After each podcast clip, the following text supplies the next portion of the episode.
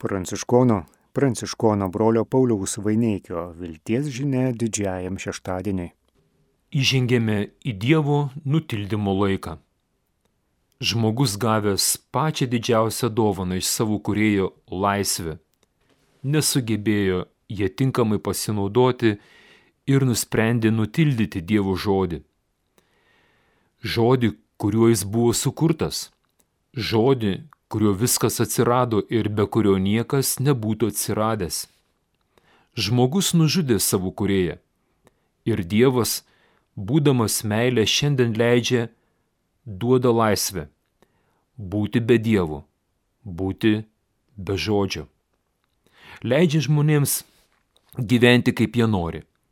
Tačiau žmogus, kad ir slogiai, neaiškiai, bet visgi prisimena iš savo trumpos istorijos, kad viešpatauti, būti be Dievo nėra išeitis. Viešpats suteikia pasauliui žmonijai malonę. Sustoti šiandien ir pamastyti, kas atsitiko su manimi, kad šiais metais vėl žudžiau Dievą. Šią sunkę valandą Jėzus siunčia mums savo motiną. Prie Jėzaus kryžiaus stovėjo jo motina, jo motinos sesuo Kliopo žmona Marija ir Marija Magdalietė. Pamatę stovinčius motiną ir mylimą į mokinį, Jėzus tarė motinai, moterie, štai tavo sunus, paskui tarė mokiniui, štai tavo motina. Iš Evangelijos pagal Joną. Viešpas, primindamas šią biblinę sceną, su savo motina ateina, kad išpildytų seną žmogaus troškimą pamatyti Dievo veidą. Eik, sako mano širdis, ieškok jo veido. Tavo veido viešpatė ieškau. 27 psalmė. Prikaltas prie kryžiaus Jėzus po truputį atidengė savo tikrai veidą. Kol leido mums matyti save kaip žmogų, pranašą stebuklingais darbais ir stebuklais, Žmonės nesugebėjo jo pažinti, jo suprasti. Nuo kryžiaus Jėzus kalba jau kaip Dievas.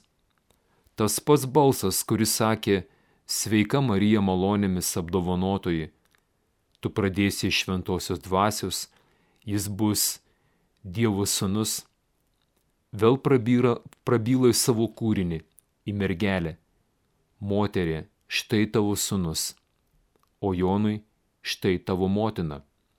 Dievas nepateikia Marijai atsakymų, kodėl taip atsitiko, kodėl ji, kodėl jos mylimasis sunus nekaltas, visagalių Dievo sunus turi mirti. Dievas tęsia prieiškimą. Moterie, štai tavo sunus. Šventoji dvasia vėl apgaubė Marija savo šešėliu ir prabylo į mus per jos tylą. Marijos tyli laikysena žvilgsnis į savo nukankintą, prikaltą, nužudytą sūnų kalba daugiau už viso pasaulio pranašystės. Marija nuo pat motinystės pradžios gyveno nenuleisdama akių nuo savo sunaus ir dėjusi širdį kiekvieną įvykį susijusiu su Jėzus gyvenimu. Marija dėmėjusi visus šios dalykus ir svarstė savo širdyje. Pagal Evangeliją Luko antras skyrių. Dabar, kai beliko paskutinės akimirkos dar pabūti su savo sunumi, pasilaikyti, apkabinti bent akimis širdimi, vienintelė jos meilė jos kaip motinos viso gyvenimo prasme, iš savo sunaus išgirsta prašymo žodžius. Moterie, Jonas nuo šiol bus tavo sunus. Jėzus neištarė jokių pagodų žodžių savo motinai, o tik tai prašė. Mama, nesusikoncentruok, neuždaryk manęs tame žmogiškame, kūniškame pavydale, kurį matai kurį pažinojai savo jūslėmis. Eik pas Joną, eik pas mano paštalus, netrukus, kai mirsiu, mane sutiksi juose. Marija savo protų logika nieko nebesusigaudo, nebesusigaudo, kas vyksta. Todėl jai nieko nebelieka, kaip žengti dar kartą tikėjimo žingsnį. Vėl ištarti. Štai aš viešpatės tarnaitė, te būna man, kaip tu pasakėjai. Dievo motina pakluso Jėzaus prašymui atiduoti tai, ką yra gavusi iš Dievo brangiausia savo gyvenime. Savo dievišką motinystę atiduoti bažnyčiai. Marija kaip ir Jėzus turi numirti ant savo kryžiaus, paukoti visas savo kaip Dievo motinos privilegijas ir sugėdoti naują magnifikat giesmę. Marija, turėdama Dievo motinos pavydalą, godžiai nesilaikė savo lygybės su Dievu, bet apiplėšė pati save prisimdama eilinės tarnaitės išvaizdą ji ir išorė tapo kaip visos žemiškos moteris. Ji nusižemino, tapdama klusni iki mirties, iki kryžiaus mirties. Todėl ir Dievas ją išaukštino ir padovanojo jai vardą, kilniausia iš visų vardų - Jėzaus, Dievo Sūnaus motina. Pagal laišką Filipiečiam antras skyrių 6-9 eilutės. Marija žiūrėdama į nužudytą sūnų, visus šiuos dalykus svarstė savo širdyje. Moterė, štai tavo sunus. Prašykime Marijos to žvilgsnio, to atsivertimo į gyvenimą į save. Peržengti save pačius ir įvykdyti Jėzaus troškimą. Pasimti Mariją pas save.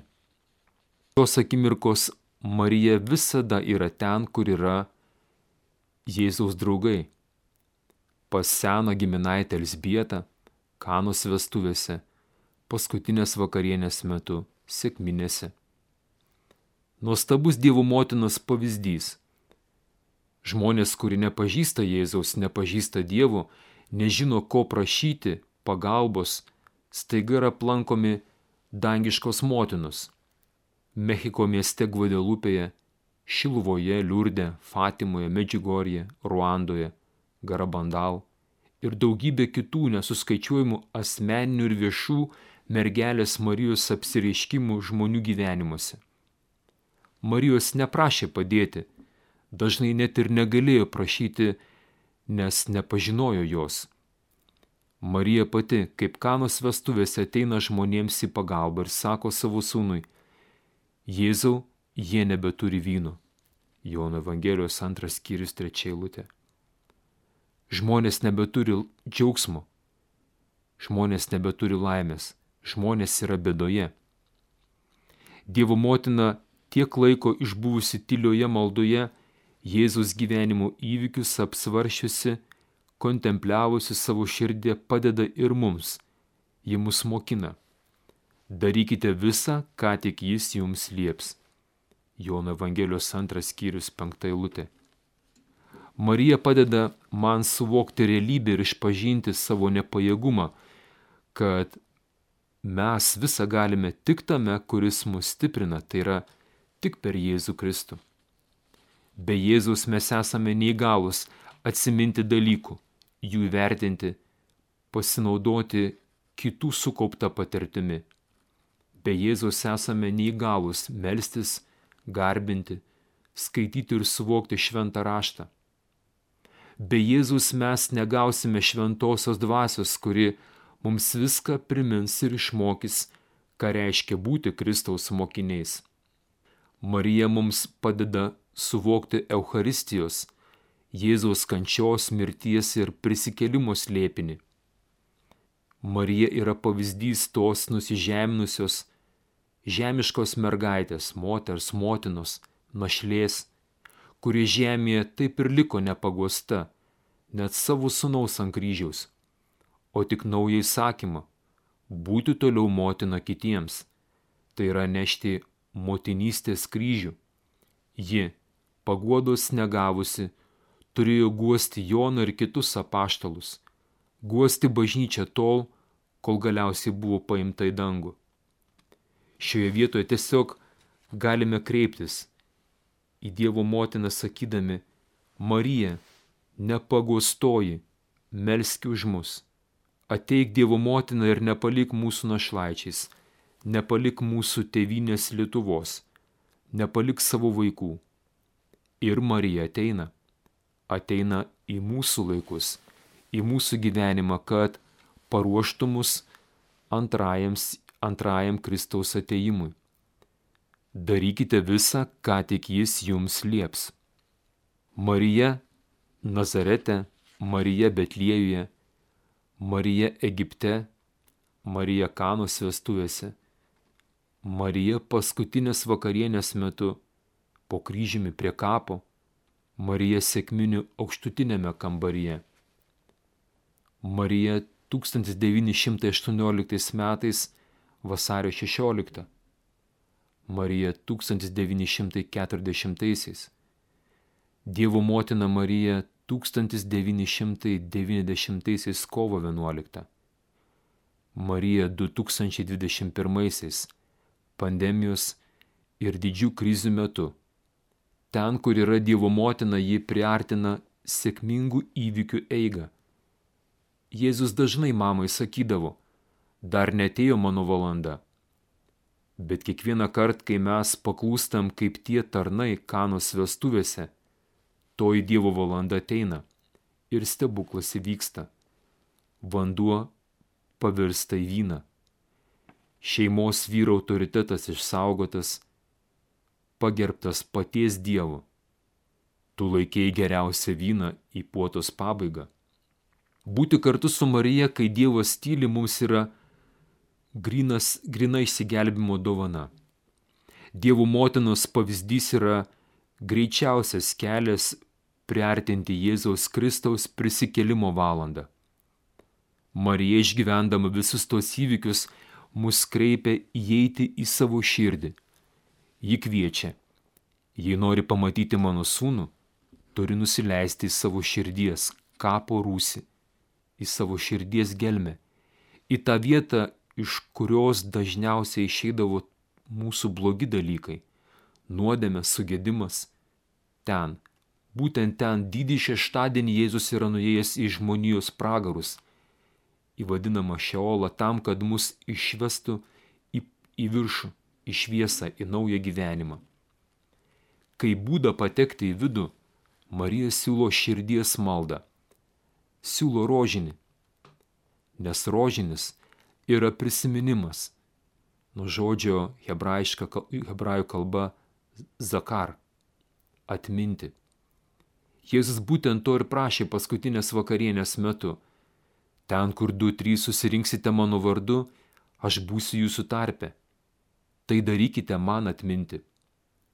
Marija šiandien Dievo tylos akivaizdoje pasaulio krizių, nelaimių, visuomenės susiskaldimo akivaizdoje kviečia paklūsti Jėzaus žodžiams.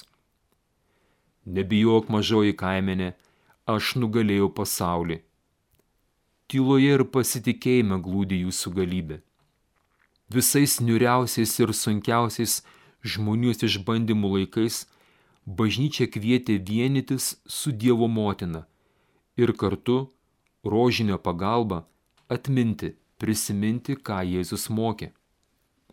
Dėl šios savybės rožinis kaip priemonė yra laikomas vidinė širdies malda. Šis konkretus maldos būdas iš visų kitų maldų skiriasi savo neatsiejama vienybė su Biblija. Be švento rašto apmąstymų rožinis liktų tik žodinė mantra, nesiskirianti nuo kitų religinių maldų, kaip antai sakė Jėzus, mato Evangelijos šeštam skyriui septintoji lūtei. Melsdamiesi nedaugia žodžiaukite kaip pagonis, jie tarėsi būsia išklausyti dėl žodžių gausumo rožinis vien savo prigimtimi reikalauja ramaus ritmo, lėto apmąstymo, žvelgiant į Kristaus gyvenimą motinos širdimi. Kiekvienas rožinio slėpinys mums atskleidžia tiesą apie save, kas esu ir ką esu pašauktas. Rožinis atstato mūsų gyvenimo širdies ritmą, einant per gyvenimo chaosą. Tai kaip vanduo, mana, maistas dikumoje. Rožinis vėl ir vėl suderina mūsų gyvenimo stygas pagal Dievo meilės dažnį. Dievo motinos apsireiškimai kaip rožinis remiasi ant nuolatinių pasikartojimų ir priminimų. Tiek liurdė, Fatimoje, Medžiugorijoje Marija atrodo sako ir pakartoja vis tą pačią mintį. Atsiverskite, nebeskaudinkite mano sunaus, melskitės, grįžkite prie Dievo, artinkitės prie viešpatis ir jis artinsis prie jūsų. Būkite palaiminti nuostabių šventų Velykų. Girdėjote pranciškono brolio Pauliaus Vaineikio vilties žinia didžiajam šeštadieniui.